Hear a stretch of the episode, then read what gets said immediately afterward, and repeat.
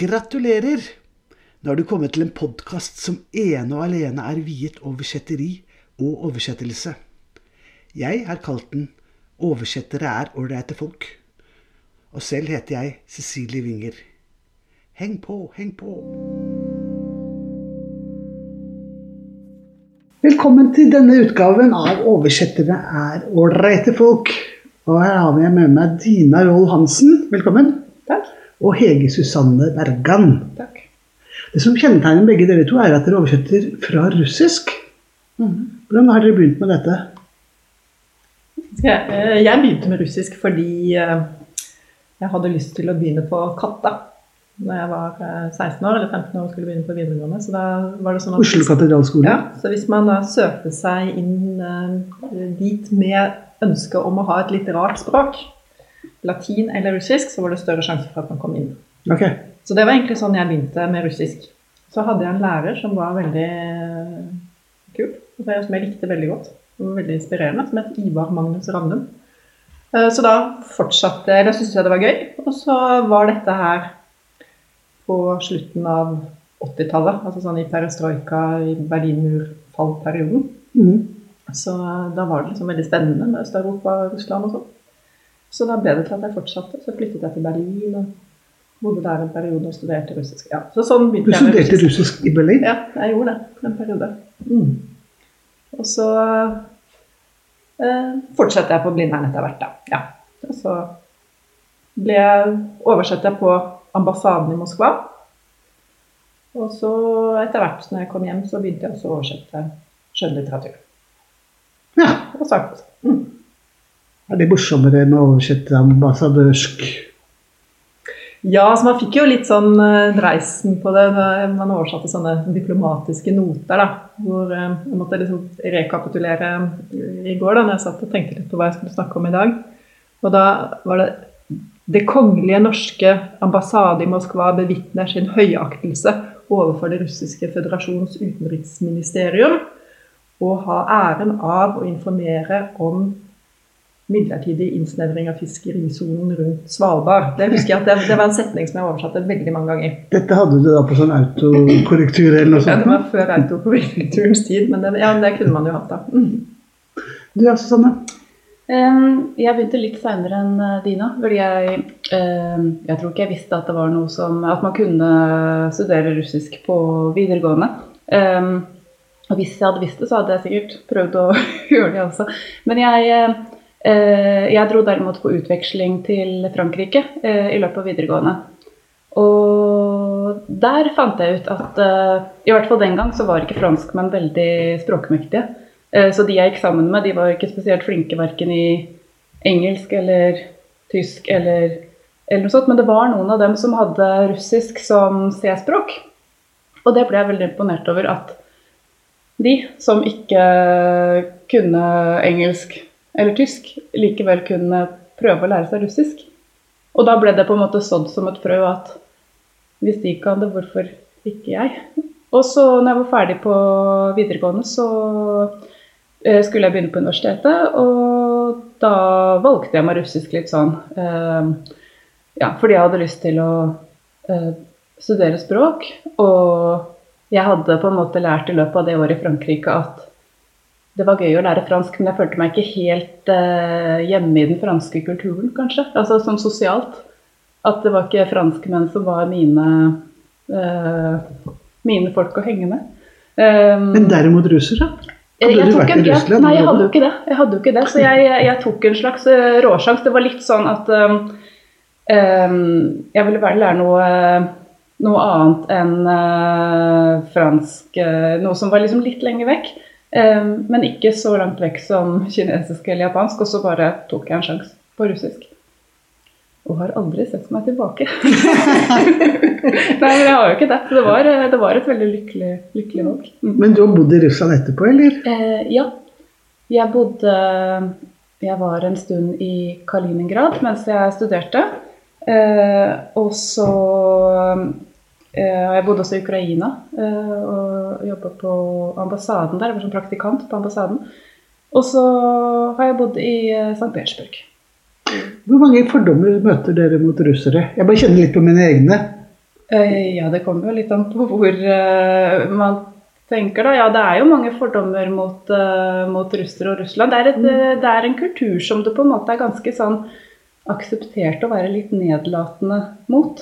Ja, Altså, ja, det, det er det noe, det ikke noe Det finnes ikke noe tabu noen pekefinger som sier at eh, sånn snakker man ikke om Eller det gjelder ikke akkurat for uh, for russere. Altså om russiske kvinner, russiske menn uh, Ja, altså det, det er liksom helt greit å slippe løs. Veldig maskulin kultur, veldig mye vodka. Altså, jeg har veldig sånne Ja, mye kriminalitet og, og. Prostitusjon, ja. Prostitusjon, ja. Mm. ja, det er mye fordommer mot russere. Det er ingen som tror at uh, vaksinen som nå Nei, sant? at den- Det er veldig sånn uh, den kan ha noe for seg, liksom. Uh, Ja, Russland hevder å ha lansert en vaksine, og nå hevder de å ha begynt å vaksinere. ha, ha, mens- ha, ja, Sputnik, liksom. Ja. Sputnik 5. Sputnik. Ja. Men eh, hvordan er det å oversette skjønnlitteratur fra russisk, da? Er det, hvilke utfordringer ser dere spesielt med det? Er det masse ordbøker, og hjelpemidler og Ja, det er mye gøy å si om dem. ja. altså, det er jo et språk som er ganske annerledes enn eh, enn, eh, norsk. Sånn at eh, man må ofte skrive mer om enn om man oversetter fra et språk som ligger nærmere. Det tror jeg nok. Og det er, verbsystemet er veldig annerledes. Og med aspekter. Altså du har på en måte sånn eh, eh, grammatiske ting som man ikke har på norsk. Kan jeg bare skyte inn noen ting? Mm -hmm. For å forberede meg til dette, som jeg tenkte at jeg skulle gjøre, så uh, fant jeg fram noe jeg ikke har sett i på mange år, men uh, russisk grammatikk eh, av Mathiasen. Mathiasen, ja. Uh, som er en veldig, veldig god og grundig grammatikk. Og jeg tenkte at jeg bare sånn fort skulle sjekke ut uh, hvordan er det man forklarer det der russiske verbsystemet igjen. Og jeg skjønte bare et par linjer at uh, dette lar seg ikke forklare av, av meg. Nei, men det er veldig Det er veldig Det er veldig komplisert. Og jeg tror ikke at det kan være mange på en måte ikke-russiskfødte som ikke har russisk som morsmål, som, som kan beherske det helt til fulle. Sånn, eh, eh, jeg gjør det ikke. Um, Nei, ikke det er det at man har to aspekter. Sånn, alle verb, nesten alle verb, for det er alltid noen unntak, de eksisterer i to, Uh, to varianter som uh, sier noe om, uh, om handlingen foregår, om du fokuserer på prosessen eller resultatet. Lite grann som på fransk med passé, composé og parfait. Jeg husker jeg ikke. Parfait. Ja. Um, og, uh, og, eller om og man har eh, fokus på om det har skjedd om noe har skjedd mange ganger, eller om ja, det bare har skjedd én gang. Eh, og sånn. Og så har man jo også det med suffigering. eh, At man kan legge til et eh, suffiks foran bak, holdt på å si midt inni også, noen ganger. Og, og dermed få sagt veldig mye mer enn eh, mens vi på norsk bruker mange flere ord eh, utenom. Har du et godt eksempel? Um, nei, men for eksempel Vi har det her med najeste. Uh, og, og spise seg uh, altfor mett. Mm. Um, gjerne kom med hvis du kommer på noe. Ja, nei, det, er, det, er, det er vanskelig um, å oversette det. Altså, det blir ofte veldig mange ord på norsk, da. Men det er bare det med, med det der, eh, som er så komplisert. Jeg bodde i Russland, og da hadde jeg med meg sønnen min, som var to år. og begynte han i barnehage. Så gikk han i russisk barnehage og lærte seg russisk. Um, snakket uh, med toåring, treåring-nivå på russisken. da. Men han tok jo denne med det verdenssystemet helt intuitivt, Mm. så han rettet på meg. Husker jeg at jeg uh, spurte han som altså, Innimellom så var det mm. russere til stede, og da mm. snakket vi russisk sammen. Og så rettet han på meg. Altså, det heter ikke det, mamma. Det heter pitch. Ja. Så det er interessant. er å drikke litt. Mm. Oh, Mm. Repeat er å drikke mm. alkohol. Mm. Og ja. masse sånne, ja, masse sånne varianter, Så kan man sikkert si pirpit, som er å drikke litt mellom slagen, eller eh, Ja. Og det er um, Det gjelder å holde tunga rett i munnen? Ja, og så huske det at uh, det må på en måte bli mm, du må finne en måte å gjøre det kortere på, på norsk. fordi hvis jeg først har oversatt en bok uh, for første gjennomgang, så er det alltid en helt forferdelig tekst som Mm. er fryktelig lang og omstendelig og nesten helt uleselig. Fordi, fordi all den informasjonen da blir smurt utover i eh, masse det, det som de da får sagt med eh, litt sånn korte lyder og, og informasjonstunge verb, det, det må vi ja, med by, Han begynte med å eh, mange ganger, gjentatte ganger, seilte han opp og ned. Så da må du komprimere. Da må man på en måte komprimere eh, litt. Eh, eller, eller finne noen snarveier eh, liksom, til å få sagt uh, tingene. Eller, eller kanskje til og med skjære bort uh, litt overflødig. Vi, Ofte så er det jo litt, tenker jeg at um, det er jo mer, mer, mer informasjon Mm. enn det forfatteren egentlig syns har vært viktig. Altså, Ja. det, det er på en måte mye sånn dø, dødkjøtt alltid når man Mm. snakker. At man sier det som er naturlig å si mer enn Altså det er bare noe av det som er viktig. Ja, altså Som ligger i det skriftspråket også. At, Ja, og sånn er det nok også når man oversetter fra norsk. Mm. Um, men um, Så da må man på en måte komprimere.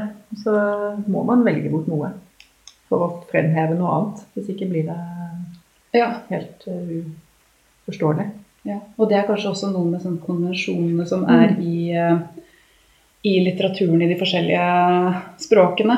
tenker jeg. Sånn det der med å ha ehm, Man kan jo skrive sånn ekstremt adjektivt tungt på, på norsk også, men det er nok vanligere på russisk Mm. å, å ha sånn fem adjektiver til hvert Mm. substantiv og um, Ja. Ingen person kan komme inn en dør uten å bli redegjort for fra, Mm. fra topp til tå. Sånn kan man jo ikke fjerne, men, eh, men man um, Mm. Nei, man kan ikke det. Hvorfor jeg spurte om ordbøker i stad, om det var tilgang på slike ting, var fordi du fortalte meg om en ordbok som hadde veldig ville eksempler. Kan du Ja, nei, det er jo uh, alle, alle fag uh, har jo sin sånn uh, mytologi rundt seg. Og, da, og ordbøkene er en veldig viktig del av det å studere et språk. Og på russisk så har man en ordbok som går fra norsk til russisk. Som ble laget på 60-tallet. Og som uh, uh, man jo som oversetter fra russisk til norsk ikke bruker så mye, men man eh, brukte den noe. Og den er veldig morsom. Fordi at, eh, og veldig legendarisk. Eh, Araken, Vladimir Araken het han som var redaktør for den. Og der eh, Han tror jeg aldri var i Norge. Så vidt jeg vet, så var det på en tid hvor man ikke fikk reise. Så han lærte seg norsk i St. Petersburg. Han jobbet på universitetet der. Eh, og eh, brukte selvfølgelig da litteratur. Plukket ut eksempler på ord som skulle inn i ordboken fra litteratur han leste. Og så brukte han, så vidt jeg vet, også mye informanter. eh, studentinformanter. Annet da min russisklærer på, på Katta. Han var informant for uh, denne ordboken. Og de tror jeg uh, lurte han der raken litt. så at de, okay. de kom med eksempler og sånn som var bare tull, da. Som er kommet med i ordboken. Og den uh, ordboken har du sikkert Og da var det, når, man, når vi satt på lesesalen, så var det på en måte Hver gang man fant et morsomt eksempel i den ordboken, så skrev man det på oppslagstavlen. og Det ble sånn konkurranse mellom studentene. ja, så, og det er veldig mange fine ord der som jeg egentlig syns burde gå inn i det norske språk. Få høre. Um, nei, altså Jeg husker f.eks. papegøyevesen. Synes jeg er et veldig sånn fint ord. Som er liksom en Papegøye. Papegøyevesen. Det å ha et papegøyevesen, det, det har jeg bare hørt der. Men, um, og ellers så uh, En bygdestripper står som oppslags... Uh, En bygdestripper, rett og slett. Ja, man kan jo se det for seg. ja, det kan man se for seg. Uh, hjerneflue. Det er også et veldig fint, fint ord. Um, uh, manntimmer står Ikke fru- fruentimer, men manntimmer. Altså Gaustad-kandidat, som er da en som Gærning. Ja, som gærning. Så det er liksom sånne søppelnisse, eh, damebris Ja, alle disse hadde kommet med i NAOP, ville de ikke det? Jo, det vil jeg tro. I sånne Ja. eksempel fra skjønnlitteraturen eller Mm. noe sånt. Men det er ikke så ofte man finner sånne ord i eh, Mm. den ene ordboka. Ja, og så er det ting man ikke finner, da. Så, som i den ordboken. Så den, eh, det, det var morsom eh, det var, hadde man, det var mye gøy med å sitte og jobbe med den ordboken, husker jeg. Jeg tror ikke vi brukte den så Mm. mye, for det, da tror jeg den var mest en kuriositet. Men, eh, men uh, man blir jo veldig avhengig av en god ordbok. uh, Ja. Når, uh, fordi det er jo ikke så mange man kan spørre til råds altså man, Behovet for en god ordbok blir Mm. veldig stort når man Mm. oversetter fra russisk. Og, og ja Man bruker jo bruker vi stykker ordbøkene etter hvert. Men Ja, og det finnes også, Til russisk så finnes det også noen sånne spesialordbøker. Har du brukt, eh, de brukte vi i hvert fall mye på ambassaden. Er, det er en spesialordbok som handler kun om militære termer. og Det var jo sånn som man brukte faktisk ganske mye. Mm. Uh, og det merker jeg også når jeg oversetter skjønnlitteratur. At det er veldig ofte man uh, må oversette f.eks. sånn ja, militære uttrykk. Grader, Eh, uniformer Grader, uniformer, ja, eh, forskjellige medaljer og ordener og våpen. Altså forskjellige sånne Er det noe du skal trigge fordommene til folk igjen? Ja. Men jeg har jo oversatt De to siste oversettelsene jeg har gjort, har vært veldig sånn, tett knyttet opp mot andre verdenskrig. Og da blir det jo mye sånn militære ting, ja. Men dere har oversatt sammen. Mm. Hvordan var det? Em, jo, det var, eh, det var da veldig gøy. Det var veldig gøy. Eh, Det er den her, vårt kjærlighetsbarn. Max Frey, Den fremmede. Som er eh, en russisk fantasybok for ungdom. Ok. Uh, og Stor og tjukk? Stor og tjukk, ja. Jeg tror det var vel noe av opprinnelsen. At uh, Dina skulle egentlig oversette Mm. hele, men, men fikk ikke helt tid. Og spurte om jeg ville hoppe inn. Og så tok Mm. vi en halvpart hver. Mm. Eh, Og det er bare, altså Dette er jo en serie. Ja. Dette er første og andre boka av en serie på 20 eller noe sånt, som var et sånt kjempefenomen i Russland. da. Veldig, veldig eh, populært på russisk. Men det kom ikke flere på norsk? Det kom bare den på norsk. Det, ja, det syns jeg det burde ha Ja. kommet hele serien. For oss levde jo den Eller den lever jo Ja. fremdeles. Ja, for ja. oss. Men, eh, nei, men det var gøy, og det er jo ganske ensomt å oversette. Mm. Eller det er jo noe man sitter og gjør alene. Eh, Så en sjelden gang eh, får lov til å Mm. oversette sammen med noen. Og vi hadde jo noen fine møter og Mm. uh, Tok dere hver deres del, Vi tok hver halvpart. Jeg tror jeg tok den andre halvparten, og du tok den første. Og så leste vi hverandres sånn, og Mm. sånn kalibrerte språk og hva vi hadde kalt ting. Da. For det var jo veldig mye Dette er jo en fantasy-roman, så Mm. det var liksom mye som eh, man måtte liksom Finne finne på hva man skulle kalle på norsk. ja. Ja. Matretter og et helt eget navn. Og, mm. Jeg spurte i stad hva som er vanskeligst når du oversetter fra russisk, men er det noe mer? Må det være flere ting dere kan fortelle oss om? Mye, men um, noe som er litt typisk eh, for russisk, er jo sånn Det er sånn sovjetisk eh, realia. Sånn litt sånn eh, kommunistaktig propagandavendinger. Det kan bli veldig eh, tungt på norsk og høres veldig, veldig latterlig ut. Ja. Men eh, det er sånn overoppfylle femårs... Altså, eller akkurat det går, da, men, eh, for det er liksom innarbeidet. Men eh, der kan det ofte bli vanskelig, syns jeg. Sånn, eh, jo, også det det sånn banneord og grove ord og sånn. Det kan være vanskelig å snakke om. Er det noe spesielt som kjennetegner russisk banning, da? Hvordan ja, Det er mye, mye kjønn. Eller de er jo veldig rikt på begge Eller både på, mm. på si, religiøst og på, og på kjønnslig banning. Og så har de jo en helt egen De har et helt eget nivå av banning som heter mat. Eh, som er eh, banning som er så tabu at eh, du ikke kan gjøre det på TV. Eh, Ok. Så er det vel noen som har gjort det på TV, men det Så det er sensurert bort, eller sier man det bare rett og slett ikke? Jeg tror man ikke sier det, og man sier det ikke i nærheten av kvinner. Eller Mm. menn skal ikke bruke det i nærheten av kvinner.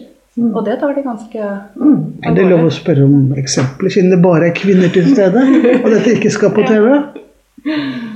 Eh, Jeg er så dårlig på å komme på eksempler, men, eh, men sånn, den ene boka jeg har oversatt som eh, heter eh, eh, Djen Husker Jeg nesten ikke hva den heter på norsk. Eh, Slik dagbok. en, ja, en Aprichniks dag. Dag, Ja. ok. Mm. Eh, den er jo stappfull av, av veldig grov banning og vold og, og, og sex. Og ja, da husker jeg at det ble sitert eh, et langt eh, parti i anmeldelsen i Dagbladet, fordi det var så rystende. Um, så, eh, men jeg, jeg husker ikke hva det, hva det egentlig står. Det er skuffende. Ja, beklager. Jeg pleier alltid å be folk ta med seg noe de kan lese høyt. Hva har dere med til oss? Vil du begynne? For jeg har ikke helt Dina Brune? Ja, jeg har med rett og slett Det er fra den siste boka jeg har oversatt, som er en tegneserie som kommer ut til, til våren. Mm. Um, og um, da tok jeg med Eller da er det jo dialog da, som må oversettes, eh, stort sett. Det var veldig morsomt å jobbe med den. Det var liksom litt annet. Det å jobbe med en dialog er gøy. Uh, men da er det også en sang. Som, eh, og det å oversette en sangtekst er sånn som jeg ikke har gjort så mange ganger, men det var også ganske morsomt. Og da tenkte jeg at jeg skulle rett og slett lese den sangteksten, og så skal dere få høre sangen. For den er eh, veldig Det er en eh, veldig sentimental, trist sang om en kvinne som blir forlatt av sin elskede og er ganske bitter. Um, så, eh, og den heter um, bratelis. den. Er altså blomster eh, Vårblomstene visnet, er det som er blitt den norske. Og da måtte jeg jo, for å få beholde rim og sånn, så må man jo skrive litt om og ta seg noen friheter og sånt, og det var morsomt å gjøre det. På, også på en tekst som da skal bli ganske Men er det en kjent sang? Det er en veldig kjent sang. Det er en uh, klassisk sånn uh, slager ja, fra 50-tallet, tenker jeg. Um, skal jeg lese, da? Ja, gjerne. Vi er litt røre. Eh, vårblomster gjemte seg, smørblomster visnet, da dine harde ord i meg isnet. Dette må jo være veldig Det skal jo være på en måte sånn det? Jeg skjønner det. Jenter, elsk aldri de vakreste menn, for flyktig, så flyktig er kjærligheten. Jeg grep etter jakken som lå over stolen, og kneiset med nakken og rettet på kjolen. Så sa jeg så lett som jeg kunne, lev vel, du gadd ikke engang å si meg farvel. Nydelig. Skal vi høre litt av sangen nå? Ja, må det. Ромашки спрятали, поникли лютики, Когда застыла я от горьких слов. Зачем? Det var en nydelig russisk sang som Dina Roll Hansen har oversatt. Da går vi over til Hege Susanne Bergan. Hva har du med deg? Jeg har med en novellesamling av eh, Ljudmila Petrosjevskaja. Eh, Det er ja, kort og snerten tittel. ja, det var en gang en jente som la an på svogeren sin, og så hengte han seg. Um, ja, Det er en egen novelle bare i tittelen. det er det. Det er det. Og hun eh, har en evne til å skrive sånn at eh, det er egentlig utgangspunkt for eh, flere noveller i hver setning, nesten. For det skjer utrolig mye. Eh, og det syns jeg er veldig gøy. Så jeg, uten å velge, så begynner jeg bare på begynnelsen på den aller første novella, som heter 'En dyster skjebne'. Og leser et par setninger. Sånn var hun. En peppermø på noen og 30 som tryglet og ba moren om å reise bort hvor som helst over natten. Og moren føyde seg merkelig nok og forduftet, så datteren kunne ta med seg en fyr hjem, som det heter. Mannen var allerede gammel, skallet og korpulent, og hadde nok et komplisert forhold til kona og moren, for snart bodde han hos den ene og snart hos den andre.